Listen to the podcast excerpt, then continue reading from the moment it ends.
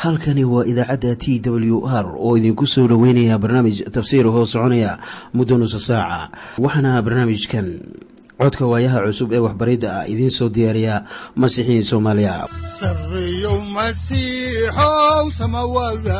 Guudow siraadkii adduunkow subanaha eebow sareyow masiixow samawadaha guudow siraadkii adduunkow subanaha eebow adigoo samaada jiro ifkan soo saldhiganba adigoo samaada jiro ifkan soo saldhiganba kutubtiisanaye wuxunogu saaciiday sharxin sifahaaga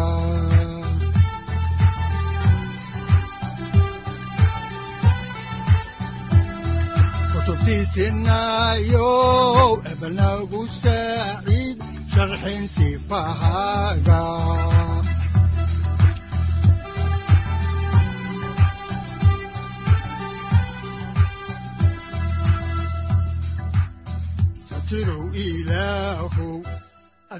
ku soo dhawaada dhegeystayaal barnaamijkeena dhammaantiinba waxaanan horay u sii ambaqaadi doonaa daraasaadkii la magac baxay baibalka dhammaantii. Waxaanu caawa idiin sii wadi doonaa cutubka afar iyo tobanaad ee kitaabka baxniintii oo ah kitaabkii labaad ee uu qoray addoonkii rabbiga ee muuse ahaa. Haddaba mawduucyada cutubkan uu ka kooban yahay waxa ay kala yihiin ilaah uu tusmooyin siinaya reer binu israa'iil fircoon oo habaysanaya inuu ciidamadiisa daba dhigo reer binu israa'iil.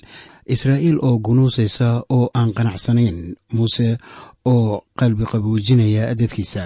Ilaah oo siinaya muuse tusmo tiirkii daruurta ahaa oo korkooda laga qaaday iyo israa'iil oo dhex maraysa baddacas masaarida oo raacaysa caruurtii israa'iil iyaga oo dhex maraya badda. Masriyiintiina baddii baa liiqday balse intaa aynan u gudagelin barnaamijkeenna aynu dhegeysanno qasiidadan ay inoogu wada luuqayaan culimo soomaaliya oo welibana masiixiyiina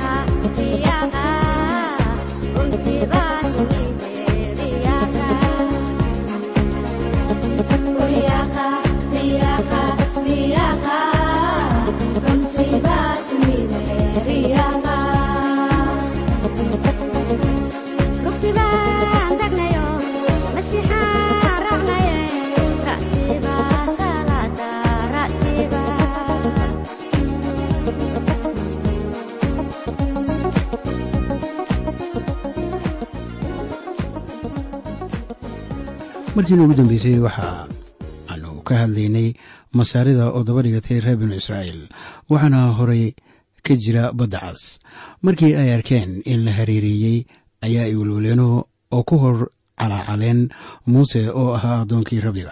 Markaasaa muuse dadkii badnaa la hadlay oo ku yidhi war ha cabsanina oo iska taagnaada oo bal arka badbaadinta uu rabbiga maanta idiin samayn doono waayo masriyiinta aad maanta aragteen.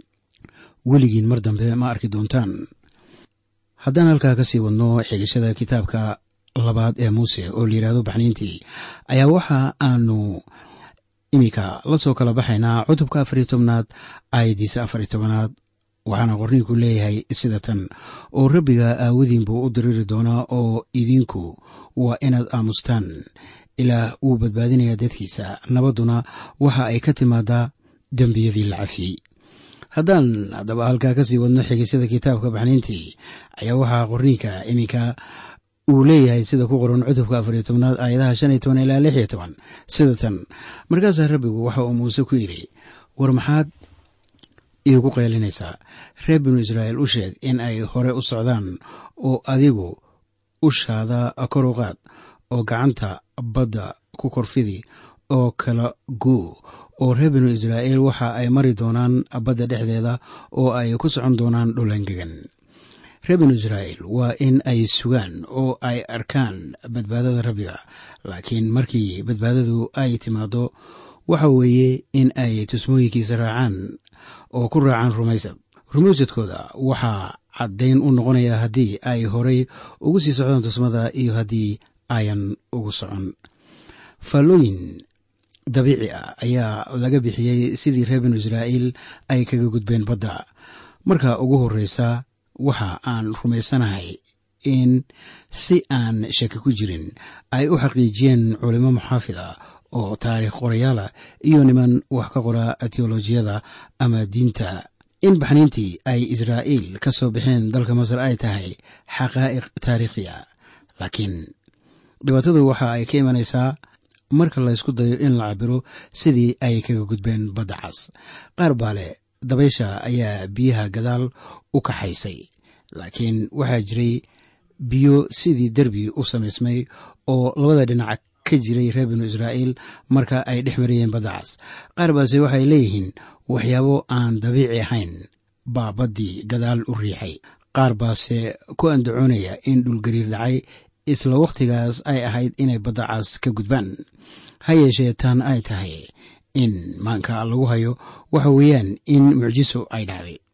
Ama diid ama yeel ilaah mucjiso ayaa uu baddii ku riday oo reer binu israa'iilna waxa ay dhex qaadeen dhulkii engegnaa. Markii reer binu israa'iil baddii dhex qaadeen waxa ay u soo gudbeen dhinacii kale. Ma jirin biyo xataa cagahooda soo gaaray markii ay badda dhex marayeen. Haddaba tani waa ay ku adag tahay in la sharaxo in la yidhaahdo waa mucjiso toos ah mooyaane.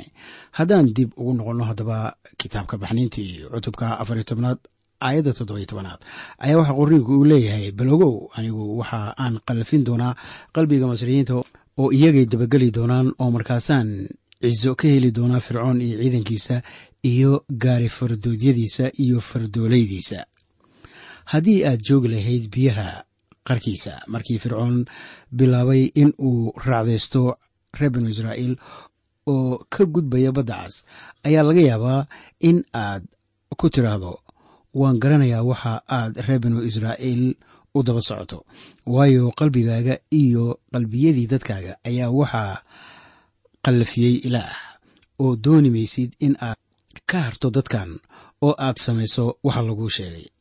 Waxaan u malaynayaa in fircoon iyo ciidankiisa ay kugu qusi lahaayeen oo kugu odhan lahaayeen waxa aanu u eryanayno innagaa garanayna xaqiiqduuse waxa ay tahay ilaah baa ku qasbaya masaaridu in ay sameeyaan waxa qalbigooda ku jira.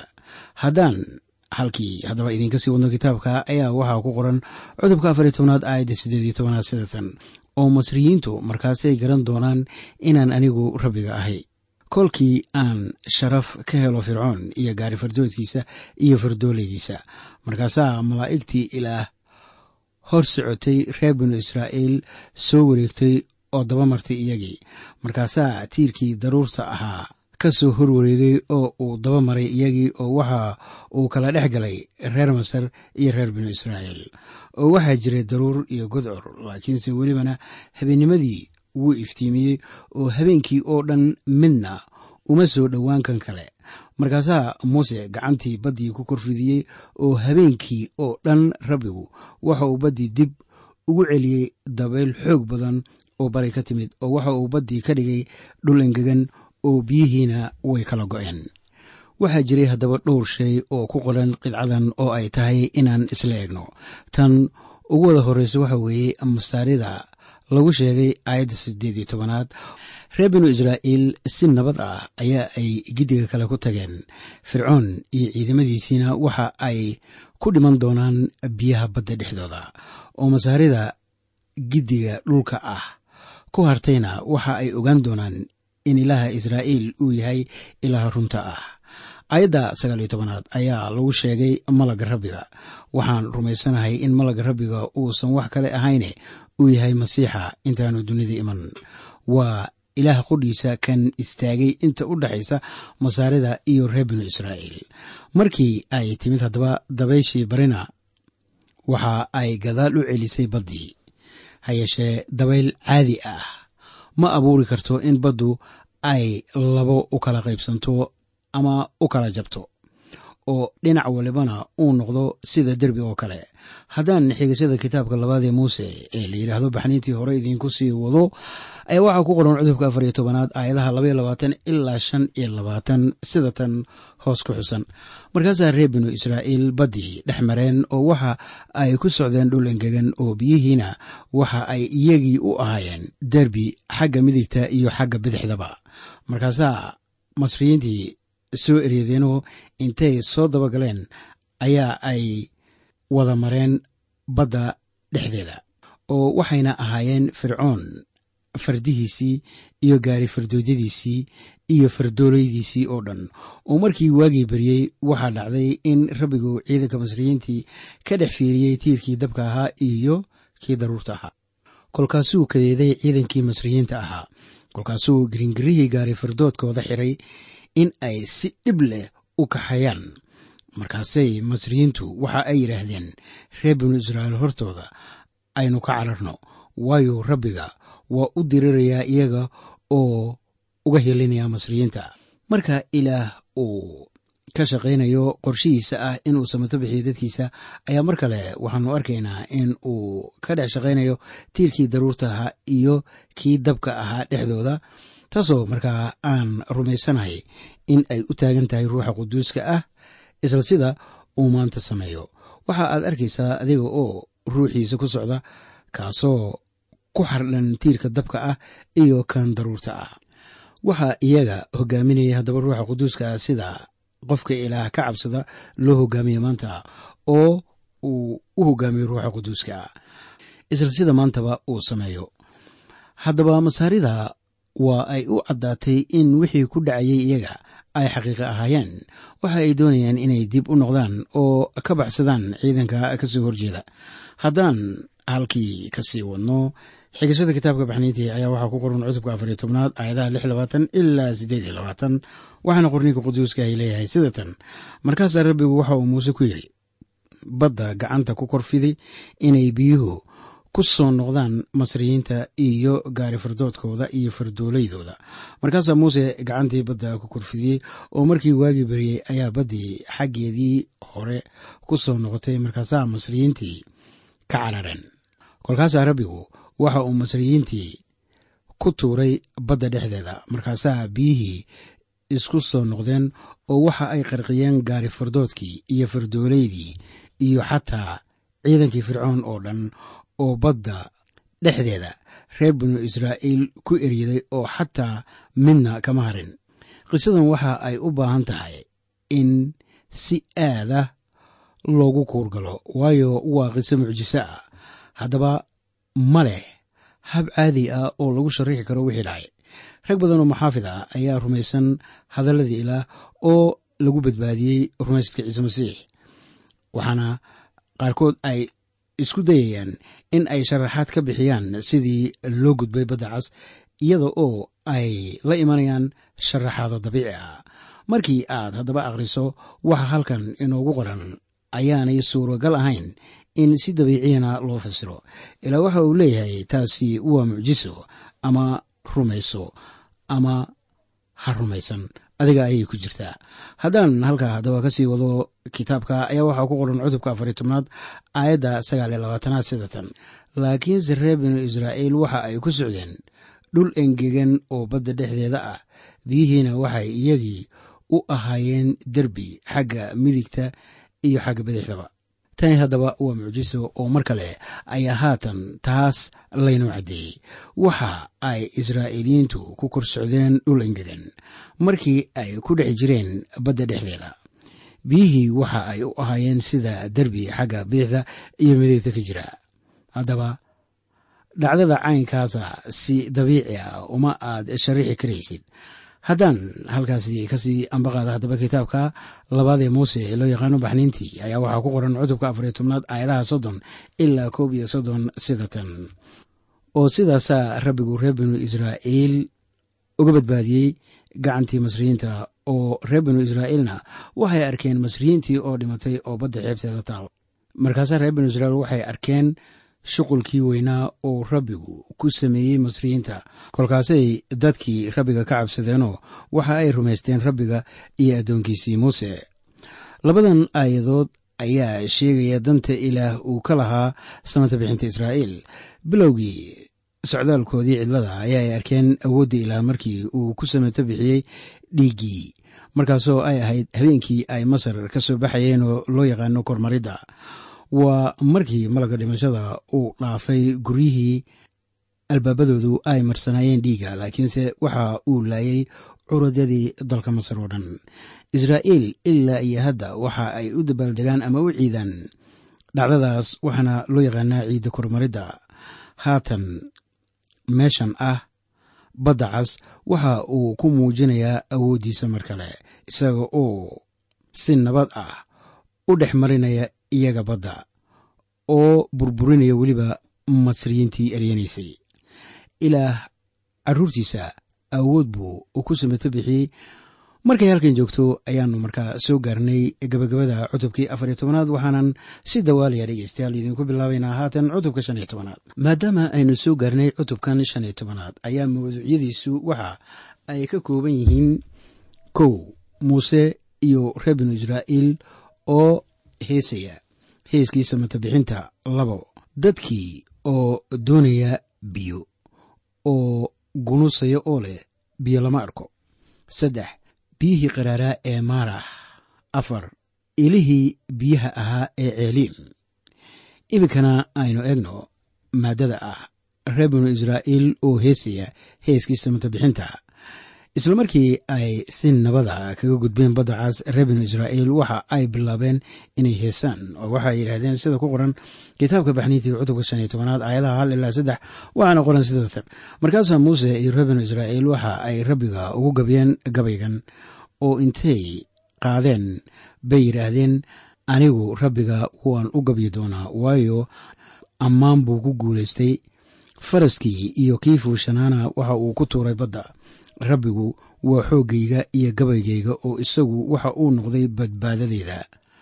Kanu waa ilaahay oo anigu waan ammaani doonaa isaga. Waa ilaahii aabbahay anigu waan sarraysiin doonaa. Rabbigu waa dagaalyahan magiciisuna waa rabbi. Haatan waxay u heesaysayaan si raynrayn iyo farxad leh kuwanina waa isla hormadii dadka ahaa saaxiib oo saacada ka hor markii ay joogeen giddiga kale ee badda cas murugaysnaa oo ku cabanayay oo odhanayay waxaannu doonaynaa inaannu ku noqonno masar iyo war maxabaalaan jirin masar oo sidaas aawadeed baad nooga soo kaxaysay inaannu cidlada ku dhimanno. Waxaa haddaba arrin laynoogu sharaxayo dhacdadaas ay inoogu qoran tahay. Warqaddii koowaad ee rasuul boolos u qoray dadka korintos cutubkeeda tobnaad aayadda koob iyo tobnaad markaasoo rasuulku uu lahaa waxyaabahaas waxa ay iyaga ugu dhaceen masaalahan oo waxaa loo qoray in laynagu waaniyo iyadoo wakhtiyada dhammaadkoodii ina soo gaaray. Ilaa wuxuu isticmaalaa haddaba khibrado si uu inoo baro run aad muhiim u ah. Waxaa kaloo ku qoran warqaddii koowaad ee rasuul boolos u qoray dadka korintos cutubka tobnaad aayadaha hal ilaa laba. Markaasoo rasuulku uu lahaa walaalayaalow anigu dooni maayo in aad garan weydaan sida awowayaashan oo dhammu daruurta uga wada hooseeyeen oo dhammaantood badda u wada dhex mareen iyo sidii dhammaantood xagga muuse loogu baabtiisay daruurta iyo baddaba. Haddaba sideebaa carruurta israa'iil loogu baabtiisay muuse? Ma ahaan karayso biyo waayo waxa ay soo mareen badda cas iyada oo engegan. Ma jirin dhibicyo biyo ah oo taabtay iyaga. Haddii aad doonayso in aad biyo ku sheegto waxaad eegtaa masaarida. Iyaga ayaa qoyeyba maxaa haddaba loola jeedaa in reer binu israa'iil xagga muuse lagu baabtiisay daruurta iyo baddaba waxaa loola jeedaa in lagu suntay ama calaamadiyey. Macnaha asaasiga ah ee baabtiiska ama makhuriska waxa weeyaan sumad. Xeerka baabtiiska ama makhurisku waxa weeyaan makhuriska biyaha waxaana aan rumaysanahay in taasu ay leedahay ahmiyad. Waxa ay taasu keenaysaa haddaba baabtiiska dhabta ah oo ah ruuxa quduuska ah kaasoo sunta ama inagu calaamadeeya innaga masiixa oo inagu dhex rida masiixa. Haatan sideebaa reer binu israa'iil loogu baabtiisay xaggii muuse? Waxa ay ashtakada ka wadeen hal dhinac oo badda cas ah. Oo markii ay dhanka kale ay u gudbeenna waxa ay bilaabeen in ay heesaan heeskii muuse. Waxaa markaasi lagu suntay ama lagu calaamadiyey muuse. Isaga ayaa lagu soo samato bixiyey ama samato bixintu iyaga muuse ayaa loo soo mariyey. Waxaa markaa aan filayaa in aad ka hesheen oo wax badanna idinka siyaadeen casharkeennii caawa. Kitaabkii labaad ee muuse oo loo yaqaano baxniintii waxaa laynoogu qoray qisooyin muhiima oo ku saabsan wixii qabsaday markii reer binu israa'iil ay ka soo gudbeen badda cas iyo welibana gumaysigii ay ku jireen. Reer binu israa'iil waxaa lagu qaxri jiray howl daran oo waxa ay dhisi jireen qubuurihii fircoon oo saddex geesoodka ah kuwaasoo ilaa iyo maanta dadku ay u dalxiis tagaan. Boqolaal sano kadib ayaa reer binu israa'iil waxa ay ku qoreen zabuurka boqol lix iyo soddon aayadaha saddex iyo toban ilaa toddobiyo toban sida tan.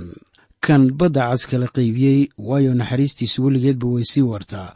Oo reer binu israa'iilna dhex marshay iyada waayo naxariistiisu weligeedba way sii waartaa. Laakiinse fircoon iyo ciidankiisiiba wuu ku afgembiyey badda cas dhexdeeda waayo naxariistiisu weligeedba way sii waartaa. Kan dadkiisa cidlada dhex hogaamiyey waayo naxariistiisu weligeedba way waartaa. Kan boqorro waaweyn wax ku dhuftay waayo naxariistiisu weligeedba way waartaa. Markii ay haddaba soo xusuusteen gumaysigii masar iyo samata bixintii ilaahna waxa ay yidhaahdeen sida ku qoran isla zabuurka boqol soddon iyo lix aayadaha saddex iyo labaatan ilaa shan iyo labaatan. Markaasoo zabuurluhu uu lahaa kan ina soo xusuustay markaannu gunta ahayn waayo naxariistiis weligeedba way sii wartaa oo inaga soo samato bixiyey cadaawayaasheennii waayo naxariistiis weligeedba way sii wartaa kan cunto siiyo wax kasta oo jidh leh waayo naxariistiis weligeedba way sii wartaa ku mahadnaqa ilaaha samada waayo naxariistiisu weligeedba way sii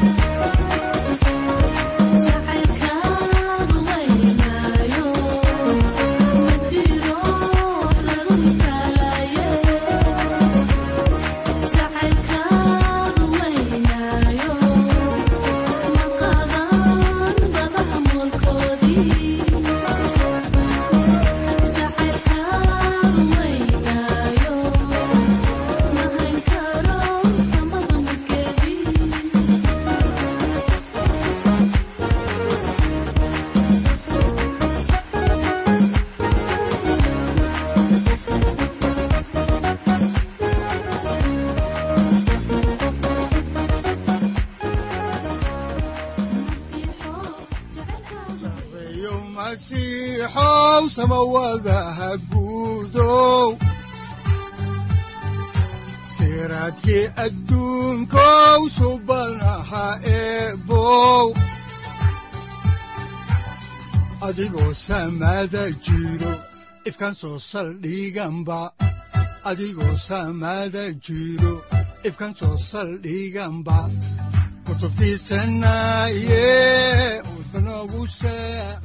halkani waa t w r idaacadda t w r oo idinku leh ilaa ha idin barakeeyo oo ha idinku anfaco wixii aad caawi ka maqasheen barnaamijka. Waxaa barnaamijkan oo kalea aad ka maqli doontaan habeen dambe. Hadahan oo kale haddiise aad doonaysaan in aad fikirkiina ka dhiibataan wixii aad caawi maqasheen ayaad nagala soo xiriiri kartaan som t w r at t w r c o k e haddii aad doonaysaan in aad dejiisataan oo kaydsataan barnaamijka ama aad mar kale dhegaysataan fadlan mar kale booqo www t w r o r g amase waxaad teleefoonkaaga ku kaydsataa ama ku download garaysataa agabyada ku sahli karaa dhegeysiga t w r haddii aad doonayso in laga kaalmeeyo dhinacyada fahamka kitaabka amase aad u baahan tahay duco fadlan fariimahaaga soo mari bogga aaraahda ama kommentska inana jawaab degdeg ah ayaanu ku soo diri doonaa amase ku siin doonaaye